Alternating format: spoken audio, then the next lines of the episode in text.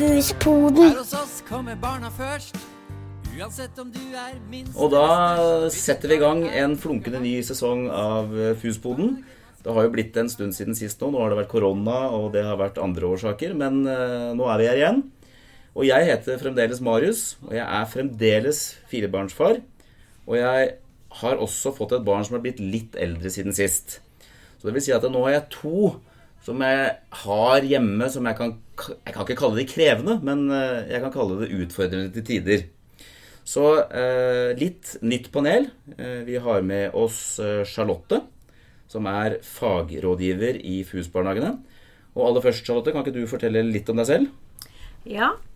Jeg heter Charlotte. Jeg eh, har jobbet i barnehage siden eh, 90-tallet. Både som pedagogisk leder og daglig leder. Og har nå begynt som eh, Eller jobber nå som faglig rådgiver i FUS-administrasjonen. Og mitt ansvarsområde er først og fremst å støtte de ansatte som jobber i våre barnehager, i den faglige utviklingen som de jobber med i sine barnehager, og har mye samarbeid med, med de i forhold til den kompetanseutviklingen som vi jobber med, som heter Barnet først. Så bra. Og hjertelig velkommen til deg. Tusen takk. Ja, Det skal bli hyggelig å ha deg med i eh, denne nye sesongen, som, eh, som eh, denne gang skal handle om følelser. Og følelser, for de som har hørt Fuspoden før, det er, det er noe jeg er veldig opptatt av, i hvert fall. Så, så jeg har jo noen barn som, som, som har mye følelser. Og det har jeg vel i for seg sjøl også.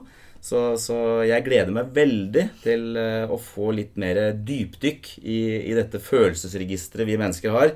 Og, og, kanskje få noen råd og tips underveis om hvordan jeg kan bli bedre far eh, til mine relativt små barn, da. Som nå har blitt tre og snart eh, åtte år. Og så har jeg mine eldste, da. De klarer seg sjøl. De er jo bare Eller bare. De er jo 19 og, og 17 år. Så der er det helt andre utfordringer. Men, men først og fremst er det mine små som kanskje jeg trenger litt hjelp til, da. Som jeg håper at jeg kan få her i dag. Og i forbindelse med følelser så er vi så heldige å ha fått besøk av Maria. Og, og Maria hun er psykolog med spesialutdannelse innenfor barne- og familieterapi. Og har masse erfaring med, med sinte og engstelige barn. Og foreldre som opplever foreldrerollen krevende. Og det gjør jeg til tider. Det har jeg jo innrømma før, gjør jeg ikke det? det altså I tidligere FUS-poden-episoder. Så jeg gleder meg veldig eh, til å høre hva du har å si i dag, Maria. Og kan ikke du også bare si litt om deg selv før vi, før vi starter opp? Jo, tusen takk, Marius. Um, ja, jeg jobber mye med foreldre. Um, og hvordan de egentlig kan støtte barnet sitt mest mulig. Men en del av de foreldrene som kommer til meg, de kommer fordi at de opplever at det er vanskelig. At det kanskje står litt fast. Eh, enten at det blir veldig mye konflikter, eller at barnet kanskje ikke tør ting som foreldrene eller skole eller barnehage kunne ønske at barnet torde. Um, og så jobber vi sammen eh, i forhold til å finne ut av hvordan kan de voksne best mulig støtte barnet. Mm. Og det er eh, egentlig det jeg også eh, trenger. så, så, jeg håper at eh, jeg kan få noen gode råd i dag, og at alle lytterne våre kan få noen gode råd. For etter hvert som jeg har opplevd denne foreldrerollen, så, så har jeg altså noen naboer da, og noen venner som har, og noen skolevenner som har, som har litt av de samme utfordringene som jeg har. Og det er nettopp det å møte disse følelsene og få tid til det. Mm. Fordi at når vi våkner om morgenen, så er det ting som skal gjøres før vi skal på skolen. Det er ting som skal ordnes, rutiner. Og det er ikke alltid like lett å få dette til å gå i hop. Nei, Å få noen gode råd for det, det, det har jeg i hvert fall fremdeles god nytte av. Så, Men Charlotte, kan ikke du nå aller først fortelle litt om litt sånn mer innholdsmessig? Du er jo vårt faglige alibi her i FUS-poden. Det er ikke jeg. Men, men, kan ikke du fortelle litt om hvordan vi har tenkt å legge opp dette løpet med disse episodene som skal handle om, om følelser? Mm. I dag så skal jo hovedfokuset være på hvorfor det er viktig å hjelpe barn med å håndtere følelsene sine, og hva vi som enten foreldre eller andre omsorgspersoner rundt ungene kan gjøre for å hjelpe, hjelpe ungene med å håndtere, håndtere følelsene sine. Um, så det blir hovedfokuset i dag. Og så vil de neste episodene gå mer spesifikt inn på de ulike følelsene. Både sinne, engstelse, tristhet og sjalusi. Ja. Mm. Så i dag så håper vi at vi kommer innom på både hvorfor det er viktig, eh, og hvordan vi som voksne omsorgspersoner rundt barna kan gjøre det for å hjelpe ungene.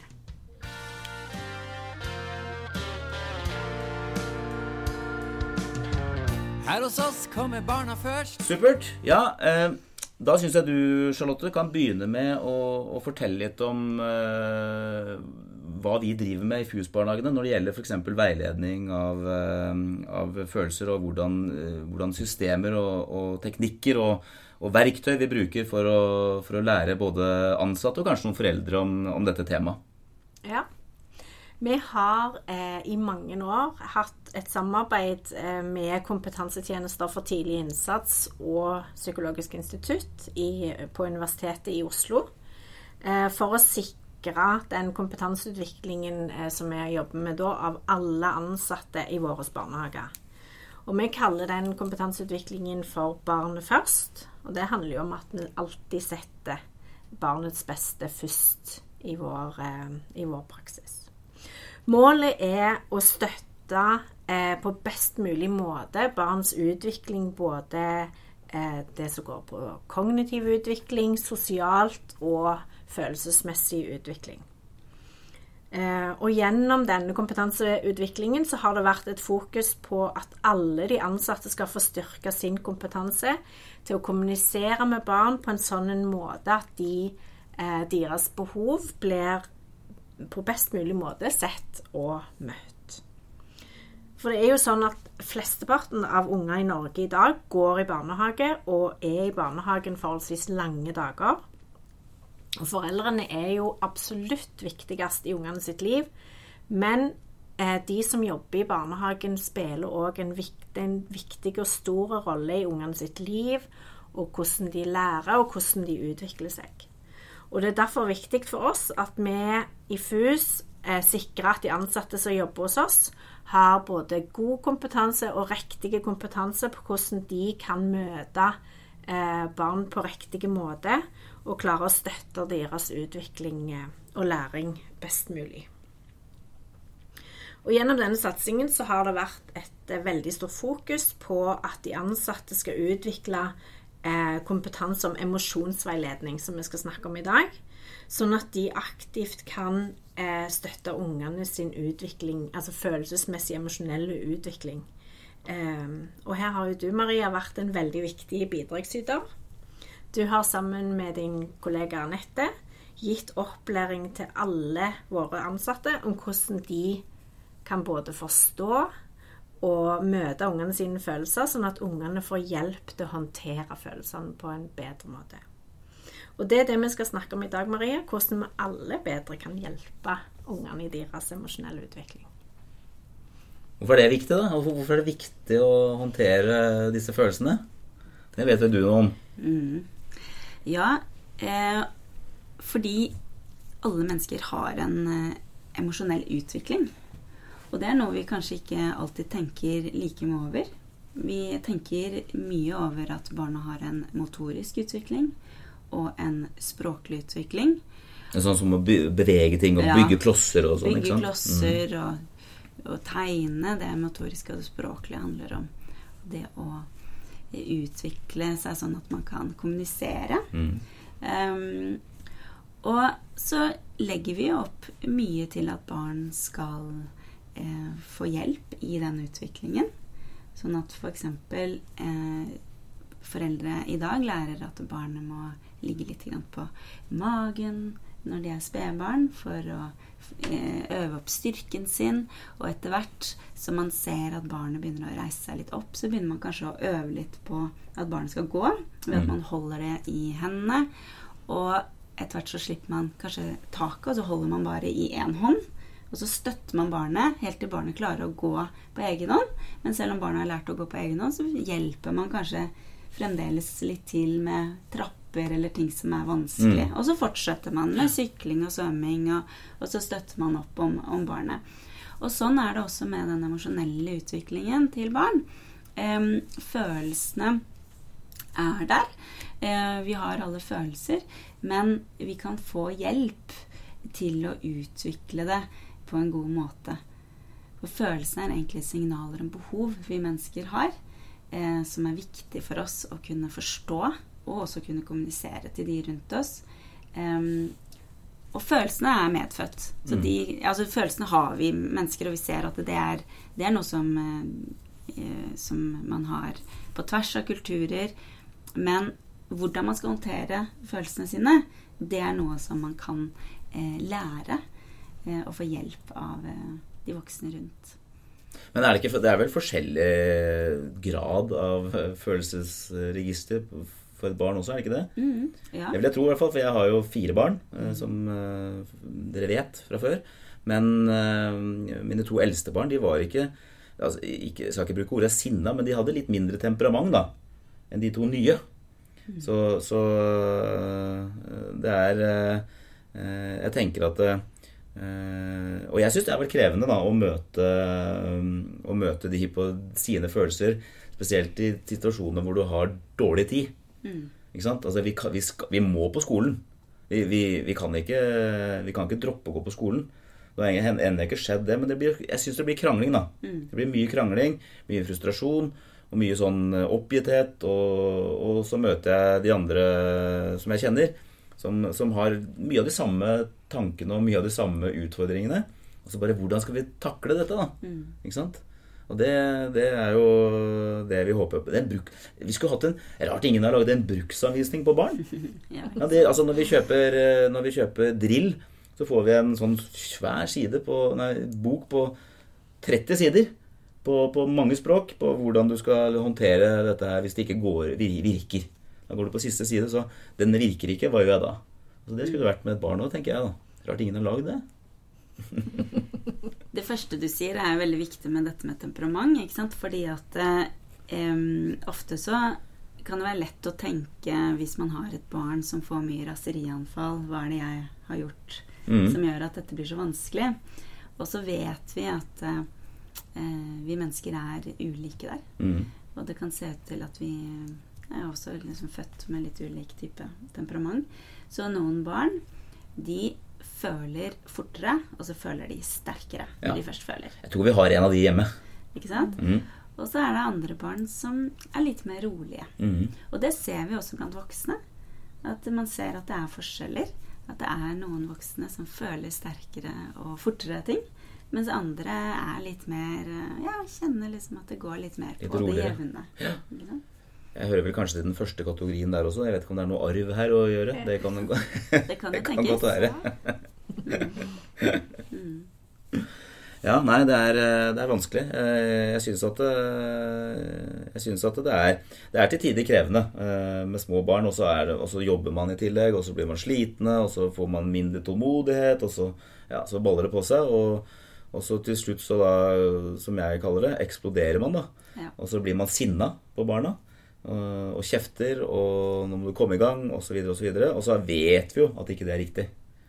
Eh, altså, eller riktig, altså misforstå meg rett. Det er, man skal vel ikke Ja, jeg, det er derfor du er her nå.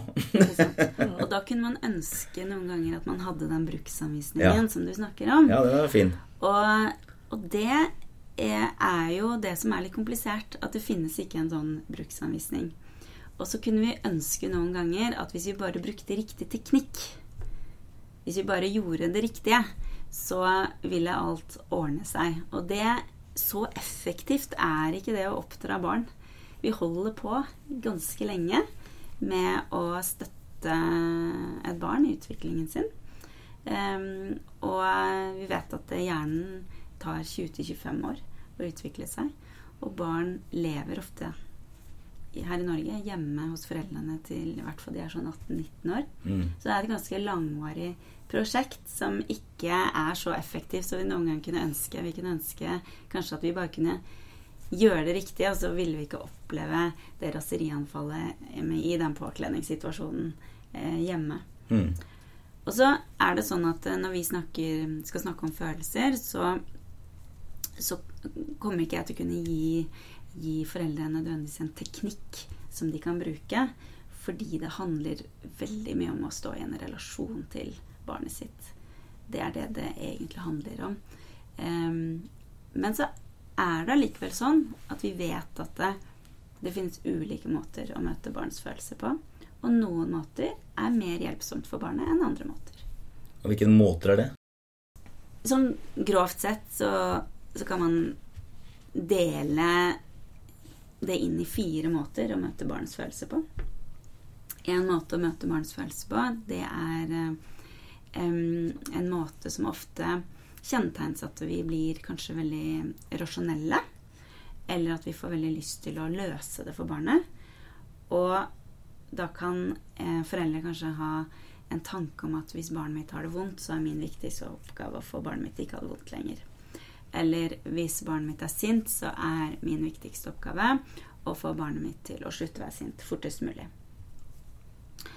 Og da eh, ser vi at foreldre ofte bruker avledning, eller kanskje blir veldig opptatt av hva er det som har skjedd, for å se kan jeg løse situasjonen for barnet.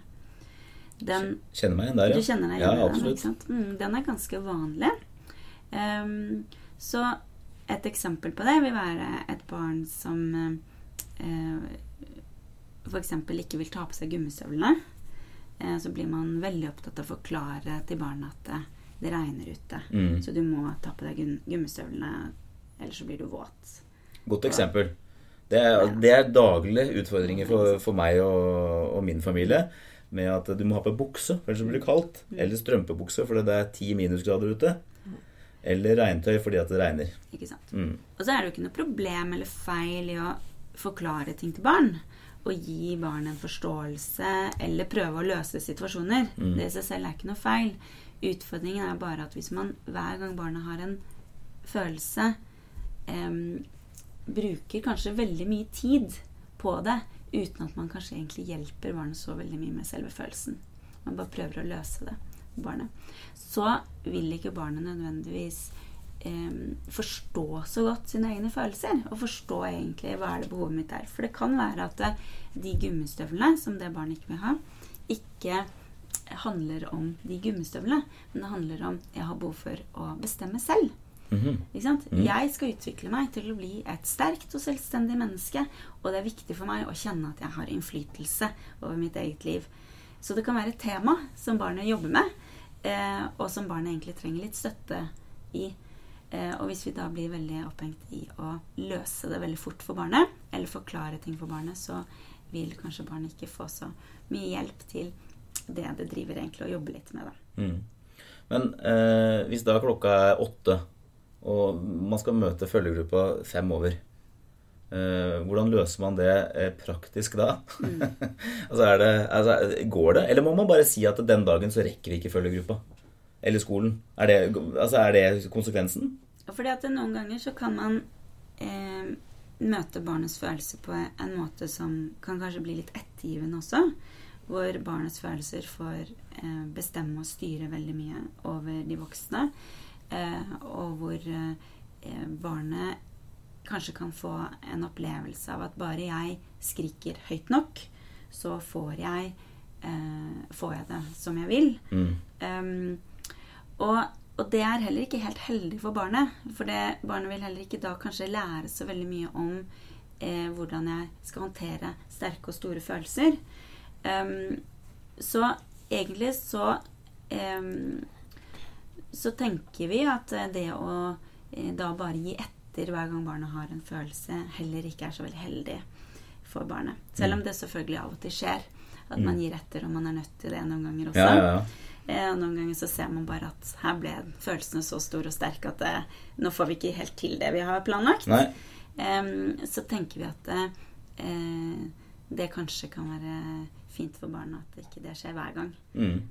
Ok, men la oss si at uh, nå står vi i denne gummistøveldiskusjonen hjemme, da. Mm.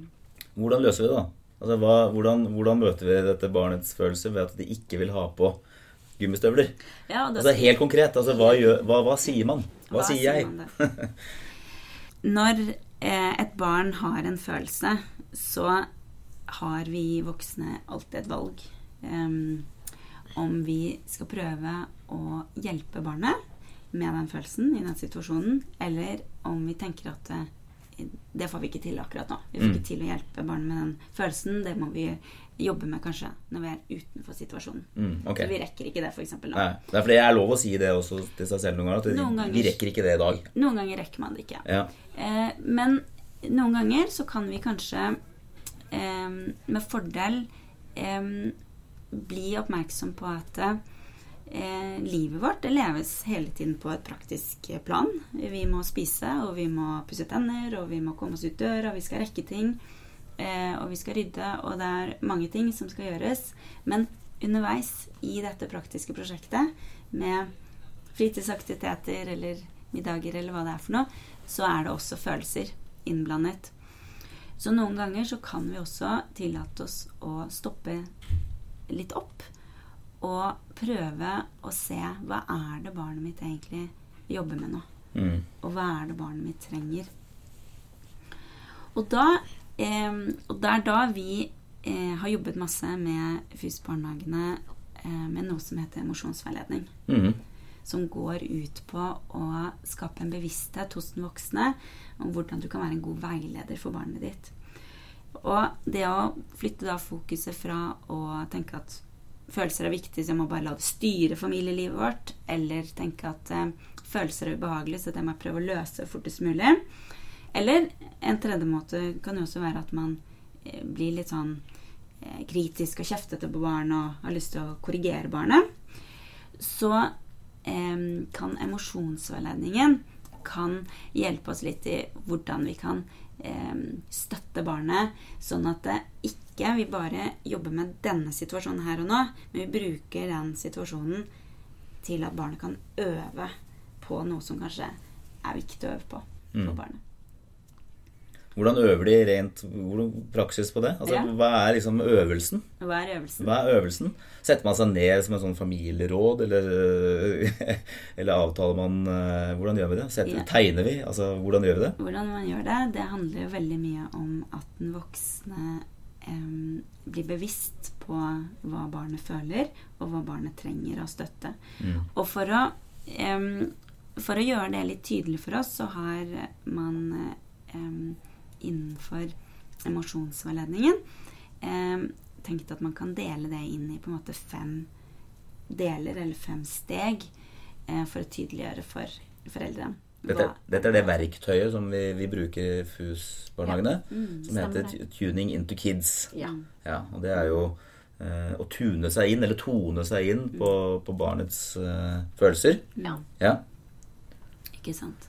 Og i Tuning into Kids så jobber vi altså da veldig mye med dette som heter emosjonsveiledning. Og, eh, og, og det er det vi kan dele inn i fem ulike steg, da. Og det første steget, det handler mye om det som du er inne på der. At ofte så kan livet bli så heseblesende praktisk, og vi blir så opptatt av å rekke ting, sånn at vi eh, kanskje ikke tar oss tid til, eller vi kanskje ikke legger merke til at barna har noen følelser. Eh, sånn at når vi jobber med emosjonsforredning, så prøver vi å skape en bevissthet hos de voksne rundt barnet på at de skal bli sensitive for Mm. barnets følelser. Så det er det vi kaller for første steget da, i emosjonsforredning. Bare det å stoppe opp og bli bevisst på at nå prøver jeg å få barnet mitt til å få på seg gummistøvler, Mm. men barnet mitt har noen følelser knyttet til det. Hvilke følelser er det? Kanskje barnet mitt er frustrert, sint, Ja, fordi det ikke får det til. eh, skuffet. Ja. Det, kan, det er noen følelser her som barnet mitt baler med. Mm. Og den lille treåringen min nå, da, som har blitt eh, som var, I de forrige episodene så var, var han var veldig liten. Han var veldig stille og rolig. Og nå har han blitt eh, tre år, da, og, og fått, eh, han har fått følelser, han òg, kan vi si. Ikke sant? Det håper jeg. Ja, det har han veldig. Så, og han blir så sinna hvis han ikke får på skoene. Og det har jeg ikke, det har jeg ikke opplevd før. At han, altså han blir så sinna når han ikke får på skoene. At han skriker og hyler, og det høres ut som han liksom skal rive i stykker eh, hele huset. Mm. og så må vi prøve å hjelpe han da, Ja. å ta på skoene. Men han vil jo klare det selv samtidig. Ikke sant? Ikke Det er sant? nettopp det. Men det, da kommer den der frustrasjonen som du var inne på, da. Ja. Tenker jeg. Ikke sant? Og det, og det, det å da eh, være emosjonsveiledende, det handler om å eh, stoppe litt opp og ikke bare se et vanskelig barn som ikke samarbeider og som overdriver i følelsene sine, men å prøve å stoppe litt opp inni seg selv og tenke hva er det mitt barn holder på med nå? Mm. Og hva er det som er treåringens prosjekt? Jo, treåringens viktige prosjekt, det er mestring. Mm. Og det er klare ting på egen hånd. Mm. Klare ting uten for mye hjelp. Ja. Og ofte så får barn rundt den alderen store dilemmaer. Fordi jeg får det ikke til alene. Mm. Men løsningen er heller ikke å få hjelp. For det jeg har lyst til, det er å få til alene. Og det er et kjempeviktig menneskelig prosjekt. Som egentlig ikke handler om at barnet er vanskelig. Men det handler om en drive til å mestre og få til ting. Og bli et selvstendig eh, vesen, rett og slett.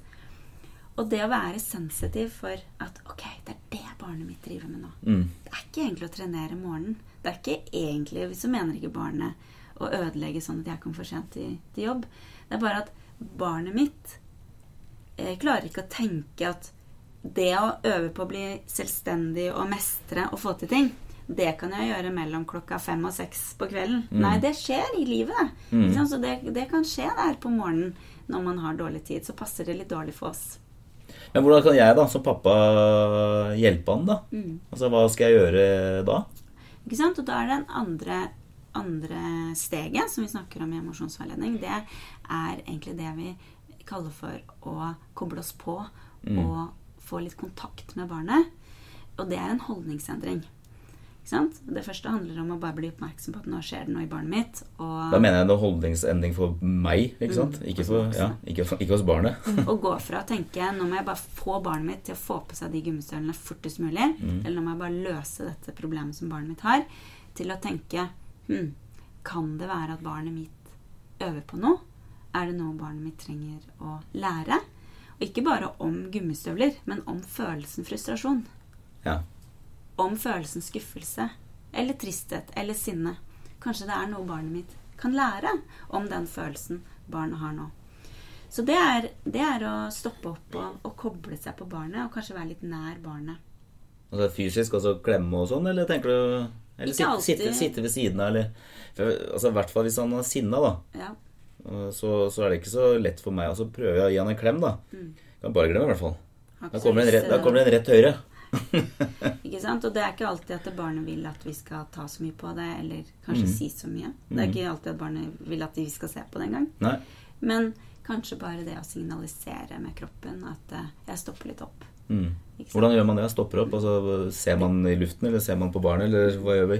F.eks. kanskje sette seg litt ned ved siden av Ved siden barnet. Mm. Mm. Stoppe litt opp med det du holder på med. Kanskje du holder på å kle på deg selv. Kanskje du kan ta en liten pause. Je, altså Det du sier, er at du bare, bare setter seg ned og bare være der, og ikke noe mer? Mm. Kanskje bare sitte der uten å si noe også? Ja. Det, det er jo et konkret tips. Det er jo i verktøyboka, altså side 12. Eh, sett deg ned og Ja, det kan du skrive ned. slapp av. Proble problemet er at hvis, eh, hvis man den dagen skal rekke noe, da i hvert fall på skolen eller, eh, eller, eller et fly, eller hva det måtte være, så, så, så er det ikke sikkert at den tiden er der til akkurat da, da. Men eh, Og det som kan skje med oss da, det er at eh, da får vi ikke til det som vi kaller for tredje steget i Mm. emosjonsveiledning, og det er å koble oss på med empatien vår. For da blir vi kanskje så opptatt av eh, hva vi skal rekke, Mm. og hva vi skal få til, um, at vi ikke helt klarer å koble oss på med empati i forhold til hva dette lille mennesket driver med, og som har, det lille mennesket har som prosjekt. da. ja. Og for at vi skal kunne være gode veiledere for barnet vårt, så må vi klare å kjenne en eller annen form for empati. Som går egentlig på at barnet føler seg litt følt av oss voksne. Ikke at vi har de samme følelsene nødvendigvis som barnet, at vi selv blir frustrerte, f.eks. Men at vi prøver å kjenne litt på oss selv inni oss hvordan det er å være det lille barnet nå som er så frustrert og fortvilet f.eks. For i, den, Mm. i den situasjonen. Og da, da kan vi rett og slett, når vi kjenner det at det, åh, jeg liksom kobler meg på barnet, og jeg skjønner det at barnet mitt nå er frustrert over dette prosjektet som det holder på med, um, så kan jeg vise det gjennom kanskje lydene mine, kroppsspråket mitt, og etter hvert også ordene mine. Mm. Og det er det vi kaller for fjerde steget. Det er fjerde steget. Mm, det er at vi, vi setter noen ord på det vi tenker at barnet kanskje føler inni seg, og sier noe om, om det. Eh, Jeg ser at du er eh, sint. Eller det kan du ikke si. Eller, eller kan man det? ja, ikke sant? Det er ikke noe sånn fasitsvar på hvordan man skal akkurat si det, men kanskje noen ganger Eller jeg skjønner at du er sint. så kan vi kanskje prøve oss å tenke at vi gjetter litt. Ja. For det er ikke alltid at vi vet hvordan barna har det inni Mm, oss. nei. Og det å si 'skjønner og forstår', det, det er absolutt noe vi kan, men noen ganger kan det faktisk bli liksom triggerord for barn. For når vi sier 'jeg forstår du er sint', Du skal, ikke, du skal ikke forstå det. hva er det de er vant til at vi voksne sier etter det? 'Jeg forstår du er sint'. Ja. Hva kommer etter det? Hva Mm. sier du ofte etter det, Marius? ja, det vet jeg ikke. Da er jeg helt rød i pappen, så Ofte så sier man 'jeg forstår du er sint, men vi har dårlig tid'. Ja, ja, det er akkurat det jeg sier, sikkert. Ja, men, ja, men det, ja, det, du er setter du spikeren på hodet. Men du, eh, kjære vene, nå er klokka ti over åtte. Du begynner på skolen om 20 minutter. Mm. Ikke sant? Og du skjønner, det er ikke egentlig å møte barnet med empati. Det er liksom Nei, nei. shortcut. Ja, det er det egentlig er- bare å prøve å liksom uh... ja, problemet er at vi lever i et samfunn som, eh, som krever at man er eh, på det nivået noen ganger, dessverre. Men uh, skulle ønske jeg hadde litt mer- litt mer tid, da. Så, men kanskje man skal drive med mer emosjonsveiledning i helgene, i hvert fall. det kan være. Og hvordan det her vil se ut, vil kanskje kunne være at man setter seg ned sammen med, em, med barnet, og så sier man at åh, du hadde ikke lyst til å ha på gummistøvlene i dag. Du hadde lyst til å ha på de nye joggeskoene. Og så regner det ute. Så skuffende at ikke du kan ha på de nye joggeskoene i dag. Men istedenfor må ta på gummistøvlene, som er gamle. Åh, Oh, ja, så da kan du drive litt sånn der sukking og, Ja. og klaging og litt sånn eh, Ja, jeg skjønner. Mm, det er bedre, det, altså. Men hvis ikke det hjelper, da, da, da er det Nei, og så er det det at ikke sant, hva, hva vil det si at det hjelper? For hvis vi tenker at målet vårt er at vi skal løse situasjonen sånn at barnet blir harmonisk, så vil vi jo bli skuffet. Ja, for det, det er ikke sikkert at du blir skuffet bare vi sier det. Nei, ikke At skuffet, det- men at, det, at, at barnet plutselig bare sier Jo, jeg kan ta på slagstolen allikevel, jeg. Nei, det Nei. er ikke det. Nei. Men det barnet har mulighet til å lære noe om, det er når jeg må ta på meg gummistøvler, og jeg har forventet noe annet, så blir det vanskelig inni meg. For Mm. det blir ikke sånn som jeg hadde ønsket. Det blir ikke sånn som jeg forventet. Da kjennes det ut på denne måten. Da blir jeg skuffet. Og da kan mamma eller pappa være sammen med meg i den skuffelsen. De kan forstå meg, og så ved at de forstår meg, så kan jeg lettere forstå meg selv.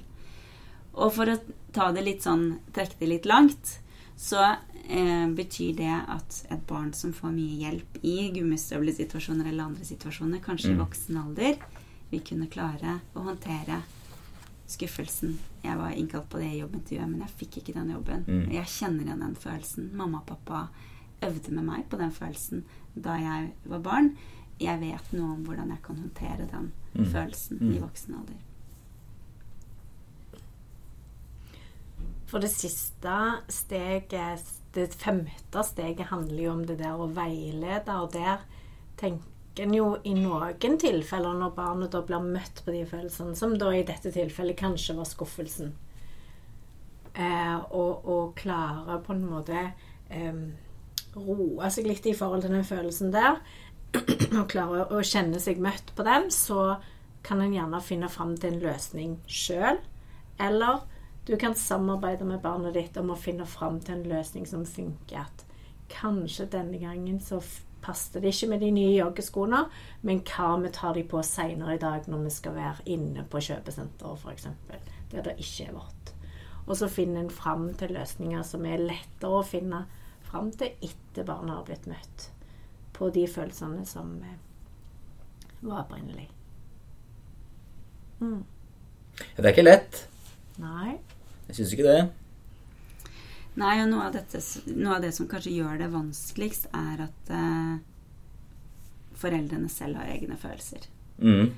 Sånn at det er jo Det handler jo aldri bare om barnets følelser, men foreldrene har også egne følelser. Så mye av jobben handler jo om at eh, den voksne, altså mammaen eller pappaen, blir bevisst på hva er det jeg kjenner inni meg. Mm. Jo, akkurat nå kjenner jeg på stress, f.eks. Mm. Ofte. Ikke sant? Mm. Hvordan kan jeg håndtere det Mm. for å hjelpe barnet mitt? For det er vanskelig å hjelpe barna med deres følelser når man selv er fylt av egne sterke følelser. Ja, det er jo det er også litt av gjentagende spørsmål som har kommet inn. Altså dette med hvordan man skal håndtere Og det lurer jeg på også. Altså det, alle lurer på det, tenker jeg som er forelder i vår generasjon nå. Altså hvordan, hvordan man skal på en måte løse situasjonen eh, med egne følelser også i, i en stressa situasjon på f.eks. morgenen. Ikke sant? Når vi skal stå opp, når vi skal spise, når vi skal pusse tenner, når vi skal kle på oss og, og hele den pakka der. Altså hvordan man kan eh, på en måte øve på da, å, å bli bedre på en harmonisk eh, morgen. Istedenfor at det liksom eh, Når foreldrene møtes eh, og har sendt ungene av gårde, at de bare Åh, for en morgen, ass. Dette var eh, eh, Dette ble tøft. Ikke sant? Hvordan kan man øve på å få en bedre morgen? Mm. det, er, det er i hvert fall mitt spørsmål. Mm, mm. Og det hadde vært så deilig ikke sant? Hvis man kunne fått den hyggelige starten Ja. sammen som familie. Ikke sant? Og så kunne man sagt ha det, og så kunne man kjent at eh, nå, nå har det vært godt å være sammen. Ja. Istedenfor å nesten krangle litt uh, hver eneste dag, eller å pushe, pushe, pushe, pushe. ikke sant? Og noen foreldre går jo av gårde og, og kjenner seg veldig overveldet Mm. når, etter de har sagt ha det til barnet sitt. Kanskje overveldet av skyldfølelse eller av frustrasjon eller motløshet. Mm. Um, og noen er bekymret ikke sant, for hvordan blir dette her for barnet mitt. At, Mm. det, at det, blir en, det blir så mye sterke konflikter da, Ja. på, på morgenen. Jeg tror vi foreldre også må gå litt inn i følelsene våre, da. Og prøve å, å beherske oss litt bedre, vi også. Og det, jo, det er jo noe av det som har vært eh, det store prosjektet for ansatte i FUS-barnehager, som eh, Anette og Marie har hjulpet ansatte òg med, med å forstå egne følelser. Eh, og hvordan Hva føler jeg når eh, barnet viser ulike følelser, og at det er en stor del av jobben med å, å bli å bli en emosjonsveileder handler om å forstå egne følelser og forstå egne reaksjoner i møte med andre sine følelser. Målet er ikke at foreldre skal gå rundt og ikke ha følelser. Fordi eh, forskjellen på voksne og barn er jo ikke at eh, barn har følelser og behov, og voksne ikke har følelser og behov.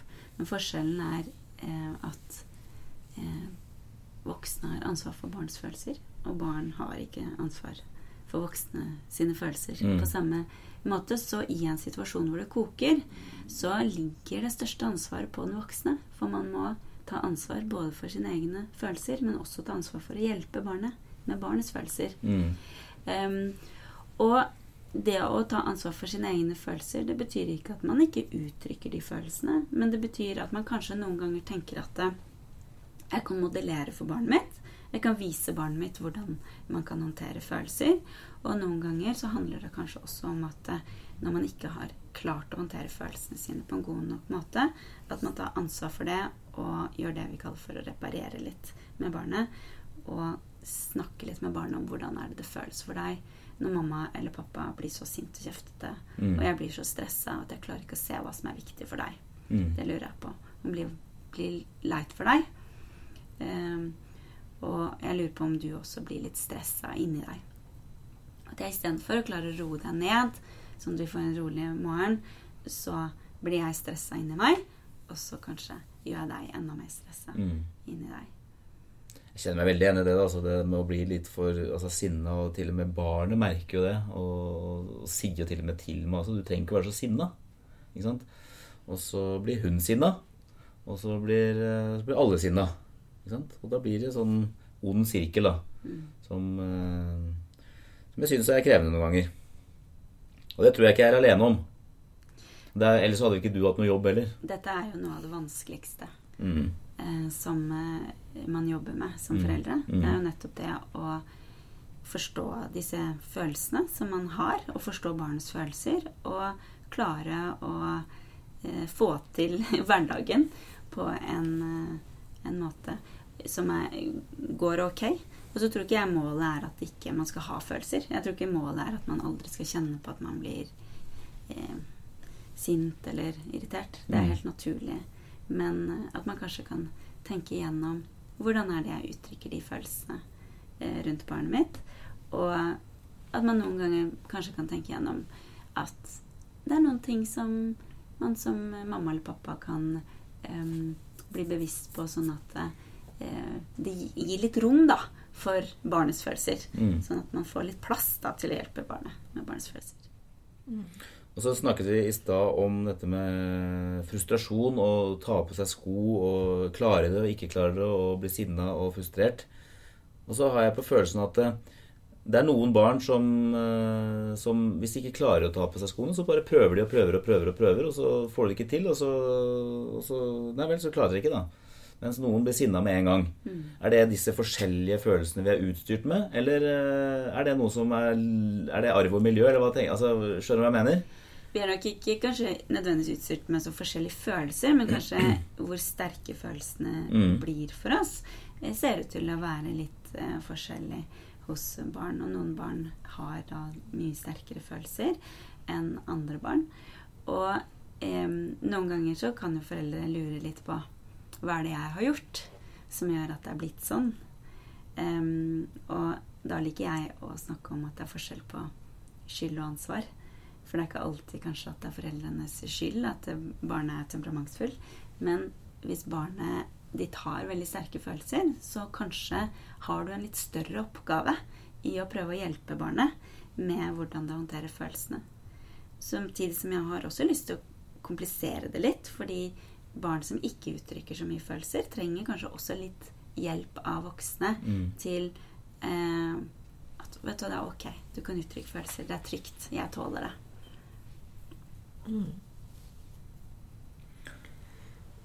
Men tenker du, Maria, at det er sånn at eh, foreldrene skal emosjonsveilede hver gang, eller hva? Jeg tenker at eh, de verken skal eller at det er mulig å få til. Um, nettopp fordi, som du er inne på, Marius, så består livet av mye vi skal rekke og mye vi skal få til. Da blir det mye Da blir på det morgenen. mye emosjonsveiledning på morgenen, og det, det får vi ikke til. Eh, noen av oss. Em, og jeg tror heller ikke det er et mål. Og, og faktisk så viser, viser forskning at foreldre bommer en del med barna sine. De legger ikke alltid merke til følelser som barna har, og de forstår ikke alltid barnets følelser, og de bommer også litt med i hvilken grad de klarer å hjelpe barnet sitt. Uh, og det er helt normalt. Uh, men det man kan ha som en liten sånn regel, det er hvis man kan klare å tenke at sånn ca. 30-40% av gangene så skal man prøve å hjelpe barnet litt med følelsen. Hvis du ser at det blir en type følelse, sinne, aggresjon, så å si, osv. altså 40% Ja.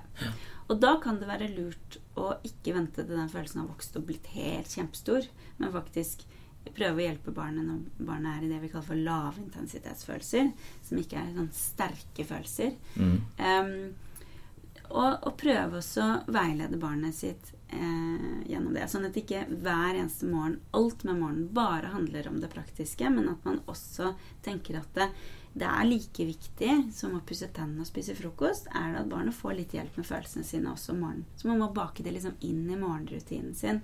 Og det samme med avskjed i barnehagen eller hentesituasjon eller ettermiddag og legging. Eh, at man gir litt rom for det.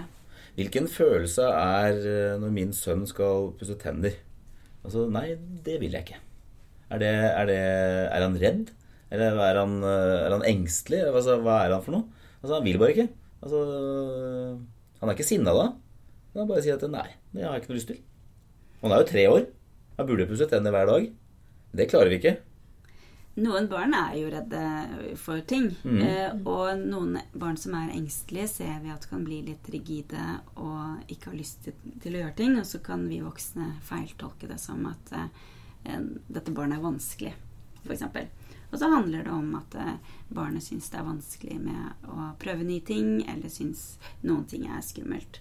Men det trenger ikke være sånn at det, at det at et barn ikke har lyst til å gjøre ting, eh, handler om at barnet er redd for å gjøre ting. Det kan være at det barnet eh, bare kjenner på at eh, det er vanskelig å avslutte det lekeprosjektet. Mm. Ikke sant? Og syns at det er kjempegøy. Og veldig mye av det vi ber barn om å gjøre, handler jo om våre prosjekt. Ikke sant? Vi vil at det skal pusse tennene, vi vil at det skal legge seg. Vi vil at det skal komme og sitte stille ved bordet. Det er liksom våre voksenprosjekt. Mm. Og så har barna sine prosjekt, eh, som er kanskje å leke, å leke ferdig, Mm. eller få lov å eh, være sammen med mammaen og pappaen sin. Eh, og så kan protesten bare handle om at eh, jeg, er ikke, jeg er ikke med på prosjektet ditt. Jeg holder på med mitt eget prosjekt, og jeg har lyst til å få lov til å fortsette med det. Men eh, jeg, jeg, har lyst til å spørre om noe, fordi eh, det skjedde faktisk i dag tidlig. Når eh, vi spiste frokost, så hadde da Da prøvde jeg, siden jeg skulle spille inn podkast om følelser i dag, da, så, så prøvde jeg liksom å være litt sånn eh, Litt sånn som jeg har lært litt om da når det gjelder tuning into kids. Å være litt rolig og være litt uh, sånn og sånn. Og så, og så sitter du med sånn pop-it, er det noe som heter. Ja. Det er veldig populært blant uh, åtteåringer. Vet ikke helt hvorfor det, men det er noe det er populært. Og så uh, sitter du med den ved siden av eh, bordet, og så sitter hun og trykker på disse her.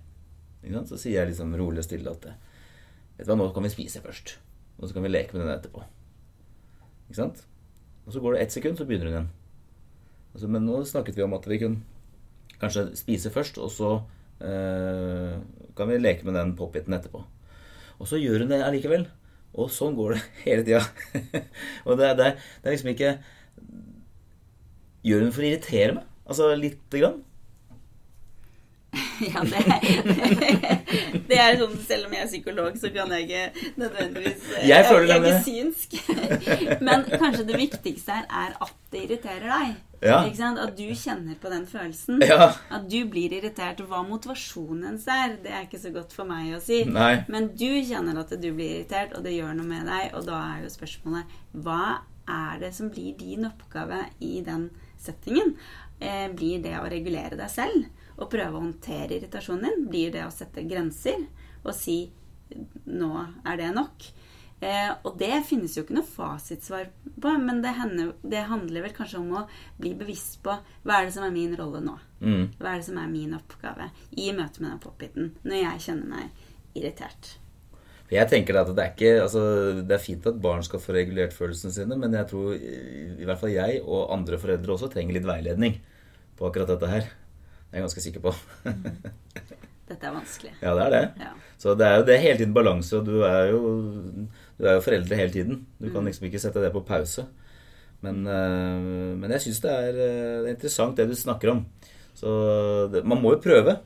Og det er jo i hvert fall mitt mål å, å, å teste ut og, og så bruke disse, denne sesongen her nå til å, til å lære litt hver episode. Og, og kunne liksom lære barna litt om følelser. Og spesielt dette med sinne, da, som jeg opplever at Ja. mine, mine to små eh, arvinger har eh, mye av. Eh, som også faren deres har. Så, så det skal bli spennende å se om eh, det går an å gjøre noe med det, og om det blir noe bedre. Det skal vi jo ta et dypdykk i neste, neste episode. Ja. Med sinne og hva som er behovet som ligger bak den følelsen, og, og hvordan en kan forstå det eh, uttrykket. Og Mhm.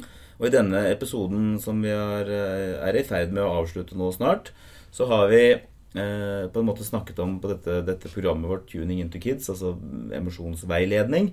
Eh, og da var det jo noen steg, Charlotte. Charlotte. Eh, kan ikke du bare oppsummere det litt i forhold til eh, hvordan eh, disse stegene skal benyttes når vi skal drive med emosjonsveiledning. Og la oss da ta eksempelet med barnet som ikke ville ta på gummistøvler. For det syns jeg var et eksempel vi kan følge. Da kan det være Maria må hjelpe meg litt grann nå. For nå. Men første steg er jo å legge merke til barnet sine følelser. Mm.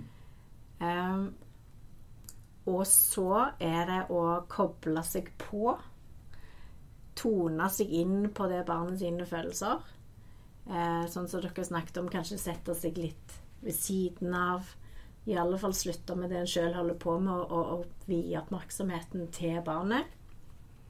Og så er det å koble seg på med empatien sin, med å kjenne etter. Eh, barnet har en følelse nå. Jeg kobler meg på med mine følelser. Jeg glemmer at jeg har et prosjekt nå som handler om å rekke det møtet. Nå skal jeg bare koble meg på eh, med min medfølelse til, til den følelsen som barnet har. Og så eh, er det å, å, å kanskje sette noen ord på det en ser, eller ikke bare med å, å, å være litt sånn eh, nonverbalt, altså med kroppen sin, kroppsspråket sitt. Eh, kanskje lage litt sånne lyder, medfølgende lyder. Um, eller noen ord, å sette ord på. Ikke rart at du ble sint nå når du ikke fikk velge å ha på seg de nye skoene, for eksempel i dag. Um, og så er det da det siste steget, som er steg fem, som er veiledningen. Maria, du kan jo si litt mer om det nå. Mm. Ja. For vi har ikke snakket så mye om akkurat det siste steget. Eh, men du var inne på det i sted, Charlotte, at eh, noen ganger så Det som er løsningen, er egentlig at barnet får hjelp til å regulere seg. Og noe av det som regulerer oss mennesker aller mest, det er når vi føler oss forstått og hørt og sett av andre mennesker. Det blir møtt med empati, det gjør noe med oss.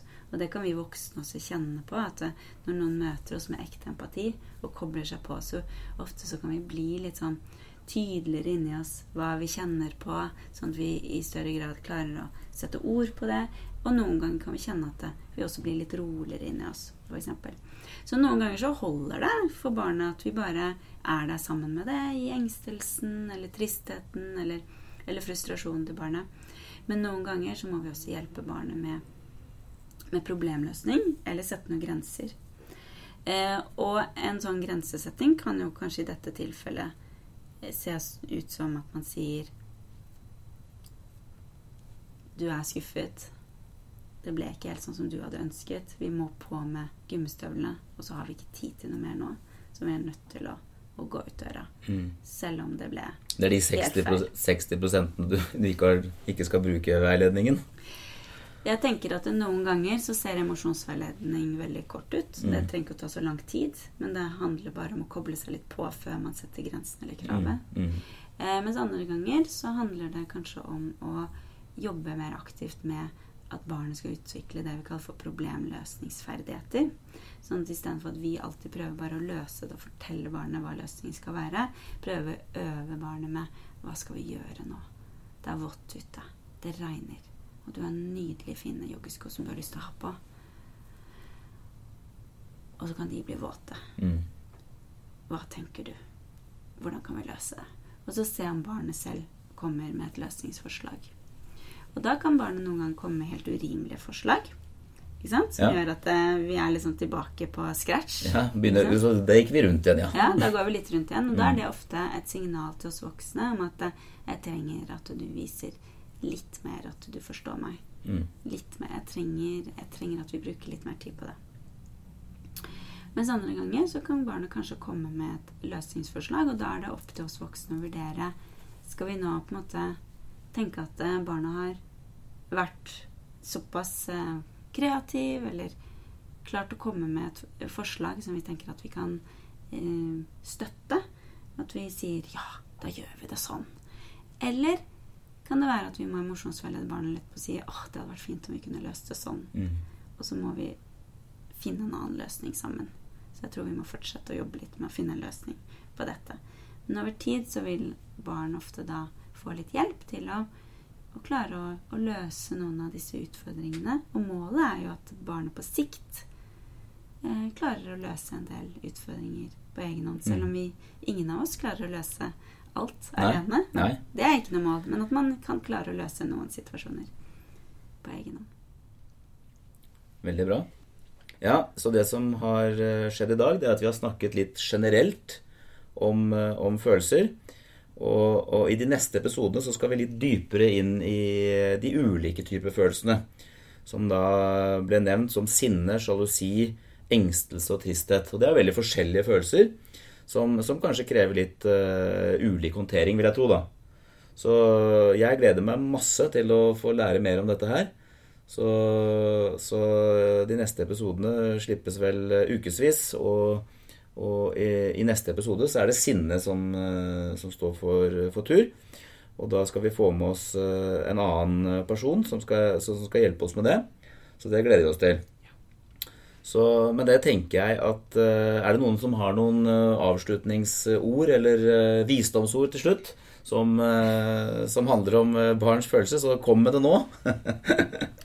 Jeg tenker at eh, det er kjempeviktig at foreldre ikke går rundt og tenker at de må være perfekte mm, i møte med barnet sitt. um, men at man kanskje kan være litt bevisst på at barna også trenger støtte av oss voksne i den emosjonelle utviklingen, og at det er viktig å, å være en veileder for barnet sitt i følelsene, uten at man må være perfekt og gjøre alt riktig hver gang. Og med de kloke ordene så sier vi takk for i dag. Takk for i dag. Det var veldig hyggelig. Nå jeg, skal jeg hjem og øve. Og så skal vi, så skal vi se åssen det går med, med, de andre spesifikke følelsene etter hvert. ha det. Her hos oss kommer barna først. Uansett om du er minst eller størst, hvilken dag det er i uka har ikke noe å si. Det er på hverdager man skaper hverdagsmagi. Gulvet er lava, teppet er hav. Finn deg en pinne som tryllestav. Matpakkboksen er rattet på. Et superromskip med oppskyting nå. En knapp du finner, kan bli en diamant. Hvis du sier den er verdt en million, så er det sant. Bli med og spill luftgitar. Og har du lyst til å synge, så gjør deg klar. Hvem har lyst til å skli på sklia? Hvem har lyst til å huske vi leker hele tida? Førstemann til å få på seg sko. Hvem må på do? Hvem vil ut og lage snømann? Hvem vil bygge klosser så høyt som det går an? Bygg verdens høyeste hus. Og hvem vil hoppe paradis?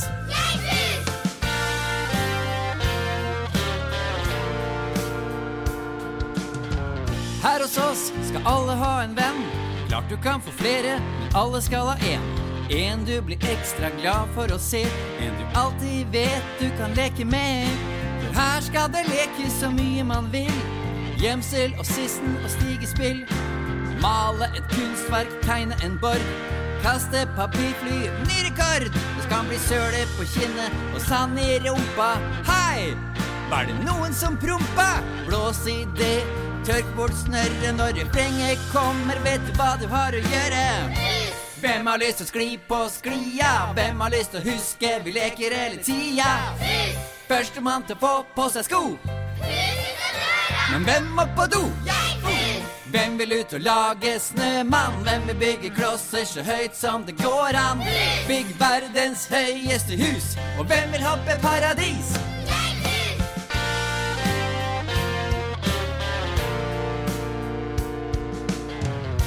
Det er ikke bare barn her i barnehagen vår.